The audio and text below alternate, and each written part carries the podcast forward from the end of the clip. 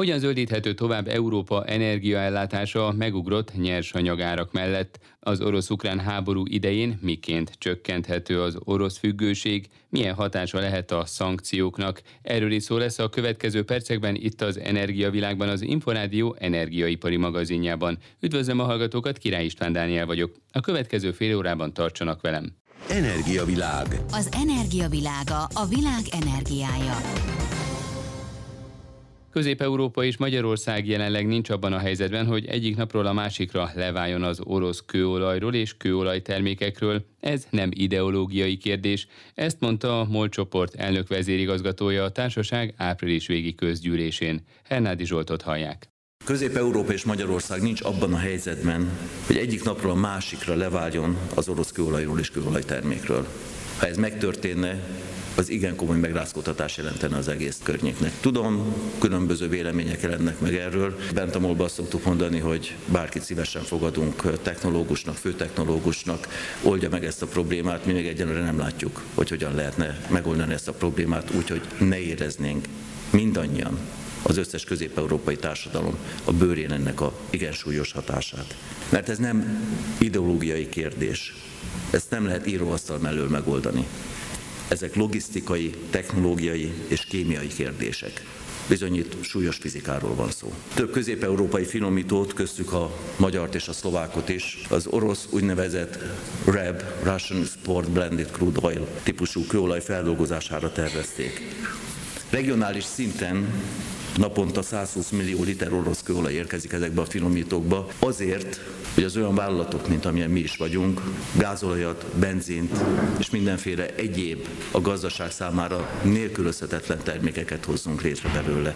Nélkülözhetetlen a gazdaság részére, mint alapanyag, nélkülözhetetlen a gazdaság részére, mint feldolgozott végtermék. Ennek a mennyiségnek a kiváltása idő és pénz nem kevés idő és nem kevés pénz. Mi ezt pontosan tudjuk, hiszen a MOL igen sokat tett azért, hogy beszélhessünk Közép-Európa energetikai szuverenitásának a növeléséről, a diversifikációról. Mi már nyolc évvel ezelőtt igazából semmi nem fenyegetett bennünket, egyszerűen a szimatunk volt ott, hogy az első és a második ukrán-orosz gázválság után 2006-2009-ről beszélek.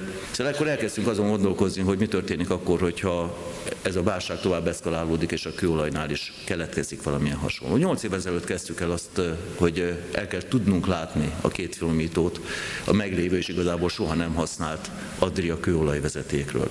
Nyolc év és 170 millió dolláros befektetés igazából csak azért, hogy nézzük, hogy mennyire tudjuk növelni az ellátásbiztonságunkat. Ezzel alatt annyit tudtunk elérni, hogy kb. 30%-ra tudtuk megnövelni a nem orosz típusú kőolajnak a bekeverési lehetőségét az orosz típusú kőolajjal. Ernádi Zsoltot, a MOL csoport elnök vezérigazgatóját hallották.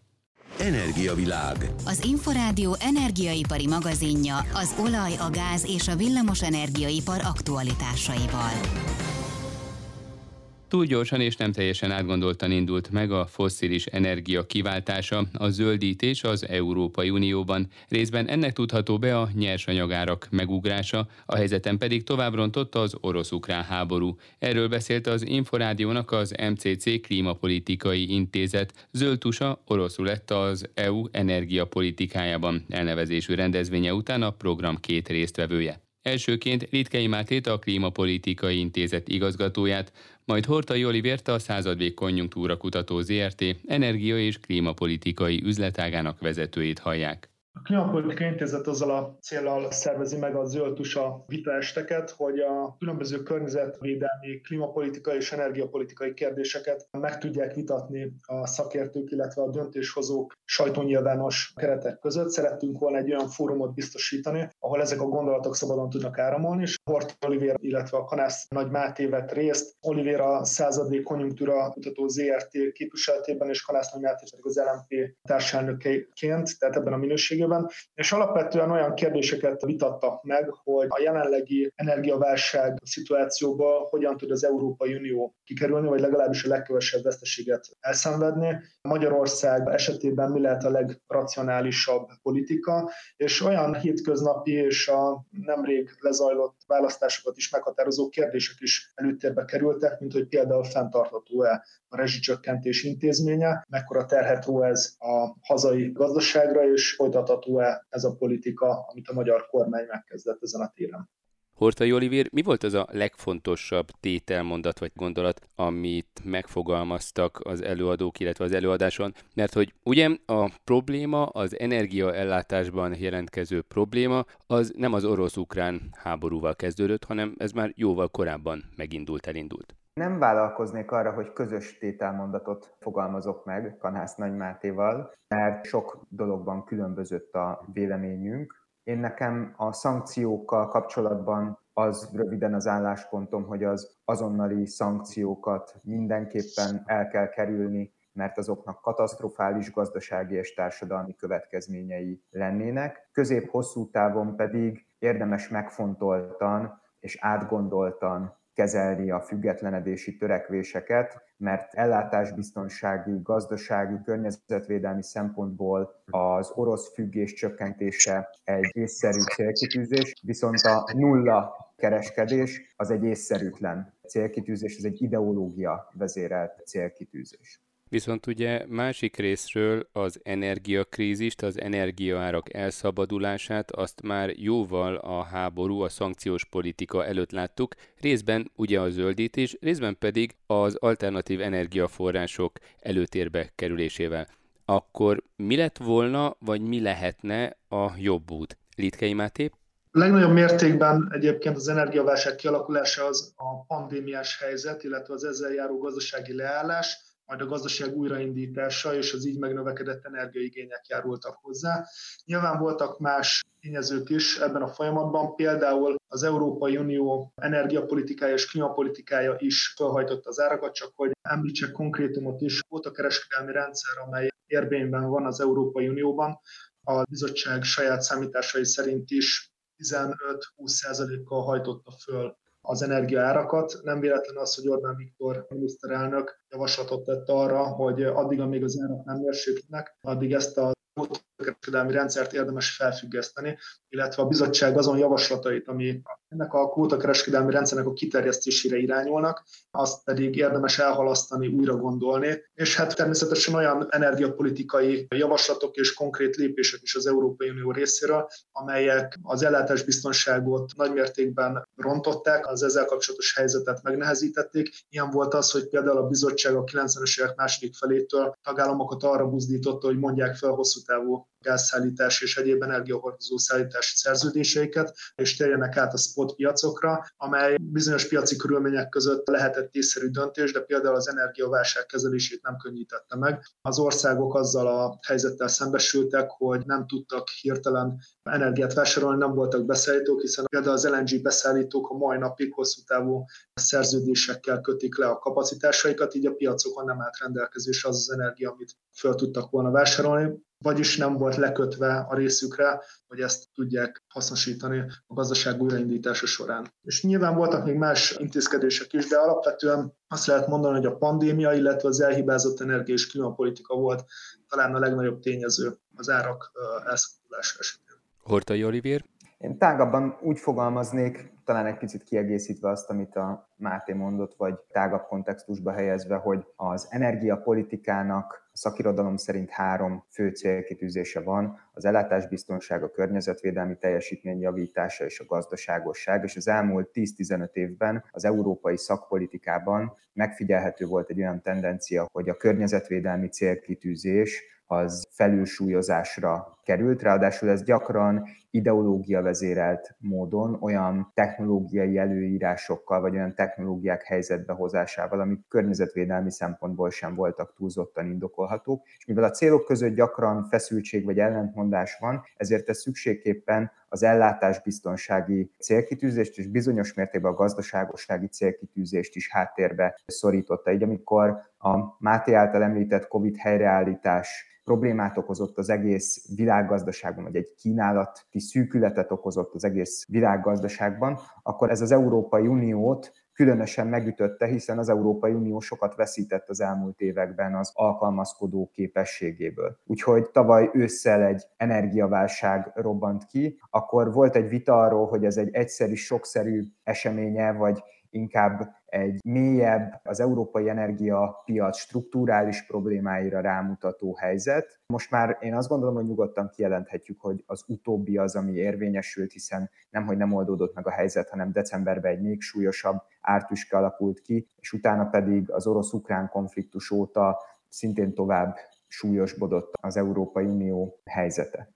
Mennyire voltak az uniós klímacélok túlzottan ambíciózusak, vagy mennyire volt az átmenet megindítása túlságosan gyors? Hiszen 2030-ig, 2050-ig fogalmazott meg az Európai Bizottság különböző ajánlásokat, elvárásokat, célokat, és hát nem most indult, nem most kezdődött ez a folyamat mégis úgy érzik, hogy ez túlságosan gyors volt. Ennél lehet lassabban egy ilyen átfogó folyamatot elindítani, amelyről ugye tudjuk, hogy ha az évszázad végéig tartana, akkor valószínűleg már visszafordíthatatlan károkat okozna a kialakult helyzet. Litkei Máté? Azt gondolom, hogy egy hamis dilemma lenne, hogyha a hallgatóknak csak ezt a két lehetőséget állítanánk választásként hogy vagy gyorsan, vagy lassan, de ugyanazokkal az eszközökkel hajtjuk végre. Azt gondolom, hogy alapvetően az eszközök újragondolását is érdemes megfontolni.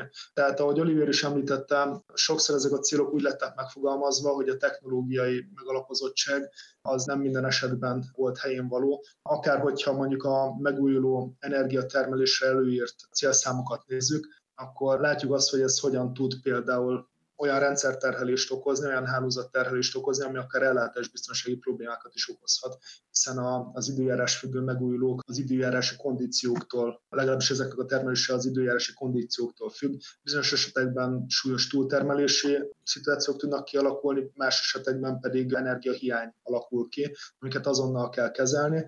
Tehát, hogyha ilyen technológiákra például kvótát írunk elő, hogy milyen arányba kell az energiamixben szerepelnie, anélkül, hogy megoldanánk azt a problémát, hogy hogyan tudjuk eltárolni az így termelt villamos energiát, akkor ez igenis tud problémát okozni. A másik, amit szeretnék példaként említeni, és rávilágítani, hogy nem az a kérdés, hogy gyorsan vagy lassan tesszük meg ezt az eltállást. Alapvetően nem lehet mindent pusztán szabályozási környezet módosítással megoldani. Például az Európai Unió egyértelművé tette azt, hogy a szén tüzelésű erőműveket időben ki kell vezetni a tagállami energiamixekből, és lehetőség szerint a földgázról is minél hamarabb át kell állni.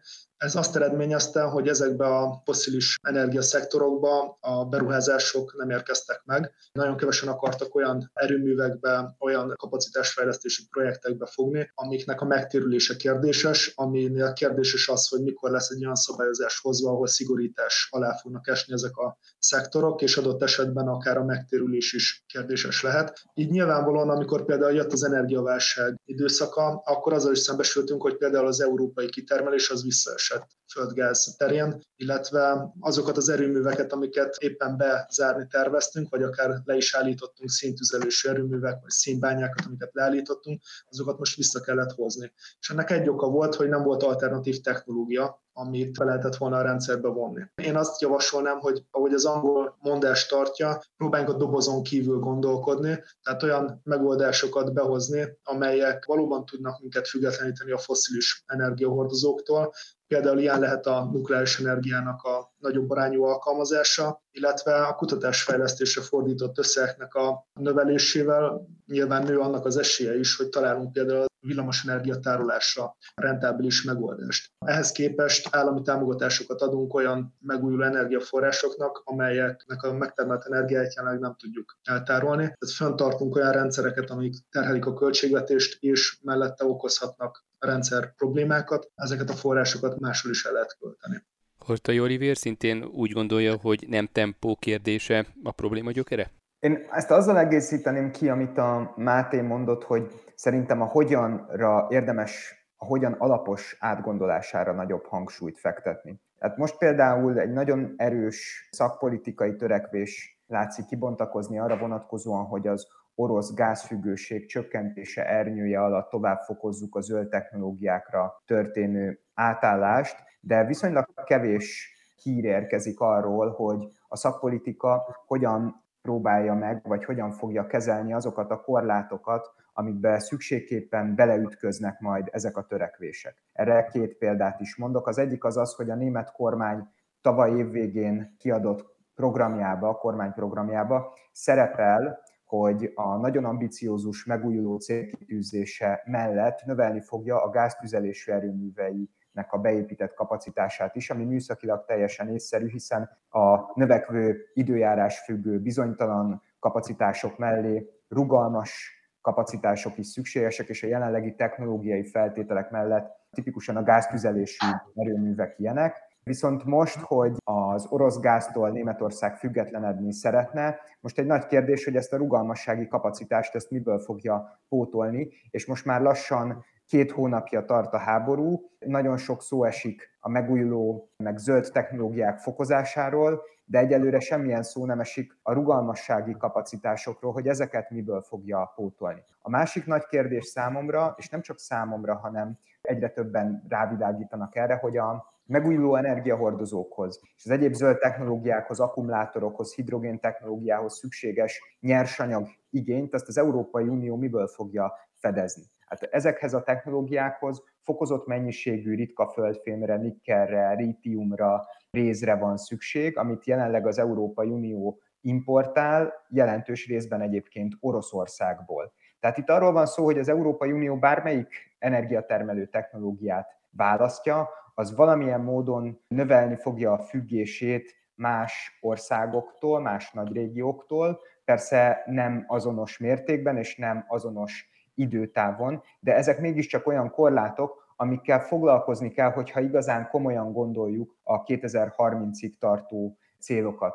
És akkor az időzítésre egy picit visszatérve, én most úgy látom, hogy rövid távon ezek a célkitűzések, ezek háttérbe szorulnak, tehát azzal, hogy az LNG beszerzést növeljük, azzal, hogy Németország továbbra is a rendszerben tartja, illetve valószínűleg újra is nyit széntüzelésű erőműveket, úgy tűnik, hogy a következő hónapokban a klímavédelmi célkitűzések háttérbe szorulnak. Persze ez teljesen érthető, hiszen az Európai Unió egy energiaválságban van, viszont hogyha az Európai Unió komolyan veszi a 2030-as célkitűzéseit, akkor sürgősen el kell kezdenie azon gondolkodni, hogy a rövid távú tüneti kezelést követően azokat a korlátokat, amik látszanak a nyersanyagban, a szabályozható vagy rugalmassági kapacitásokban és további területeken, azokat hogyan fogja orvosolni, mert ezek elkerülhetetlenül szükségesek lesznek ahhoz, hogy a céljait időben elérje. Ugye vannak, akik azt mondják, hogy a nagyobb sokkok segítik az átfogó reformokat.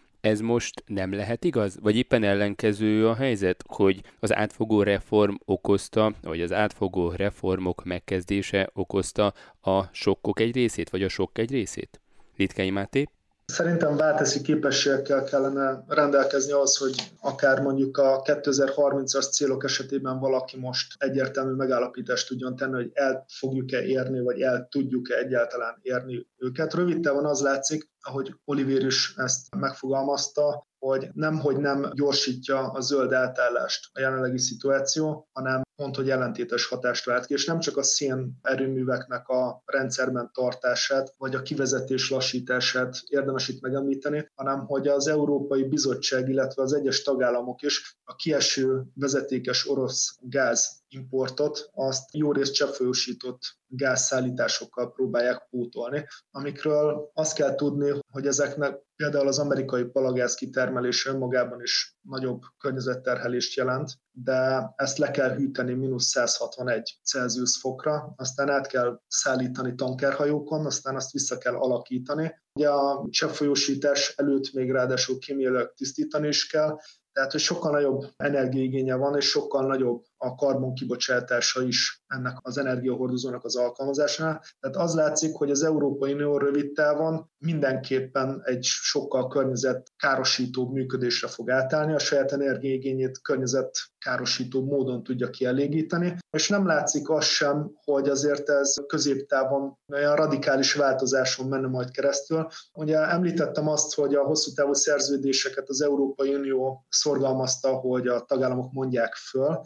Képest most az Egyesült Államokkal köttetett egy megállapodás, egy hosszú távú megállapodás, amely keretében az idei évben 15 milliárd köbméter LNG-t fog az Egyesült Államok az Unió részére biztosítani, és ez 2030-ig föl fogják emelni ezt a kapacitást 50 milliárd köbméterre ez a jelenlegi orosz szállításoknak körülbelül a harmadát tudja pótolni. De ezzel azt szeretném mondani, hogy 2030-ig az látszik, hogy az Európai Unió épp hogy elköteleződik egy szennyezőbb technológia irányába, és hogyha megnézzük például a Németország esetét, akkor Robert Habeck a klíma és gazdaságügyi miniszter például Katarban tárgyalt, hogy onnan is tudnának-e vásárolni LNG-t. Tehát jelenleg mindenkinek az elsődleges prioritása, hogy legyen energia, és az másodlagos kérdés, hogy ez mennyire tiszta energia. Úgyhogy a rövidtávú prognózis részemről az az, hogy minden jel szerint ahogy Oliver is ezt megállapította, nem fogja a zöld átállást gyorsítani.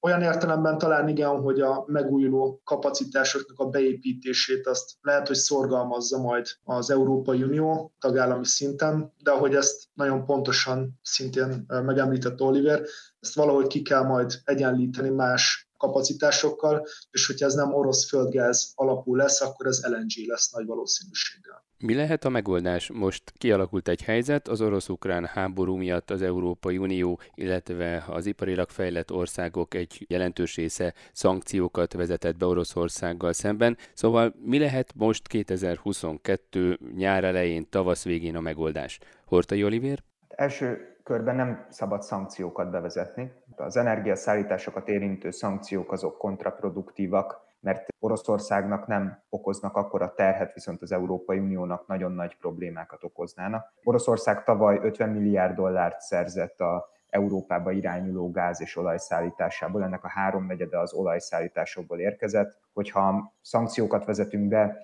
az olajat, azt mivel Kína és India nem szankcionálta Oroszországot, könnyedén el tudja adni ebbe a két nagy régióba, vagy nagy országba, és ezzel a szankció miatti növekvő világpiaci árak mellett még akár a bevételeit is növelheti, és ezt nem csak én mondom, hanem a múlt héten az amerikai pénzügyminiszter is erre hívta fel a figyelmet a IMF és a Világbank tavaszi ülésén. A gáz szállítások átirányítása az problémásabb lenne Oroszország szempontjából, de ez akkora költséget nem okozna neki, hogy azt ne viselni el. Az Európai Uniónak viszont mind a kettő intézkedés az nagyon nagy problémát okozna. Tehát az első javaslatom az az, hogy azonnali vagy rövidtávú szankciókat nem szabad bevezetni az Európai Uniónak. A második javaslatom pedig az, hogy érdemes mérsékelten hozzáállni, és az észszerűség, a pragmatikus gondolkodás talaján hozzáállni a függőség csökkentésére vonatkozó terveknek és törekvéseknek, figyelembe véve azt, hogy ezeknek ára van, és ezek más célkitűzésekben csökkenteni fogják a mozgásteret. Hát nem szabad belemenni abba a számháborúba, ami néhány ország között elindult, hogy ki az, aki gyorsabban nullára csökkenti az orosz energiaszállításait, mert most már rendelkezésre áll viszonylag sok elemzés, ami azt mutatja, hogy ezekben az országokban, hogyha beszeretnék tartani ezeket a célkitűzéseket, akkor nagyon komoly gazdasági, társadalmi problémákat fog okozni az az erőltetett menet, amit előirányoznak. Litkei Máté? Nagy mértékben, mondhatni teljes mértékben egyetértek az elhangzottakkal. Egy valamire szeretném fölhívni a figyelmet, ami sajnos trendszerű ebben a helyzetben. Az az európai egység és az a szolidaritás, amire újból és újból hivatkozni szoktak a tagállamok bizonyos esetekben, az most kevésbé tapasztalható ebben a kérdésben. Én látok egy olyan törésvonalat az európai tagállamok között, hogyha valaki kevésbé kitett az orosz energiaimport irányába, akkor nagyon hangosan hangoztatja, hogy ezekre a szektorokra szankciókat, embargót kellene bevezetni. Hogyha valaki jobban kitett, az energiaszállítások tekintetében az oroszok irányába, akkor pedig óvatosabban jár el. Azok az országok, akik nagyon hangosan követelik ezeket a szankciókat, azok nincsenek tekintettel azokra a szövetséges országokra, azokra az Európai Uniós tagállamokra, mint amilyenek például a balti államok, amilyen Magyarország, egyébként amilyen Ausztria is, mondjuk a gázszállítások tekintetében, hiszen hogyha valóban bevezetése kerülnek szankciók, akkor ezen országok gazdaságait nagyon sősen érintheti. Ez egyébként kihatással van a teljes európai közösségre, tehát ez azt gondolom, hogy összeurópai érdek, és amit szintén fontos megjegyezni az az, hogy nem csak pusztán a szankciók megvalósulása veszélyforrás, hanem már ezeknek a lebegtetése is veszélyforrás, hiszen a piacok azok idegesen reagálnak ezekre a szankciós lebegtetésekre, és már pusztán azzal kárt tudunk okozni saját magunknak, hogyha lebegtetjük ezeket a szankciókat, és ezzel fölverjük az árakat, hiszen ezt a kockázatot az energiakereskedők be fogják árazni, és ez szükségszerűen az árak emelkedéséhez vezet. Ezt tapasztaltuk az elmúlt időszakban. Litkei Mátét a Klímapolitikai Intézet kutatóját és Hortai Olivért a századvég konjunktúra kutató ZRT energia- és klímapolitikai üzletágának vezetőjét hallották. Energiavilág. Az energiavilága a világ energiája. Az Energiavilág az Inforádió energiaipari magazinja ezzel véget ért. A szerkesztő műsorvezetőt Király István Dánielt hallották. Köszönöm a figyelmüket, viszont hallásra!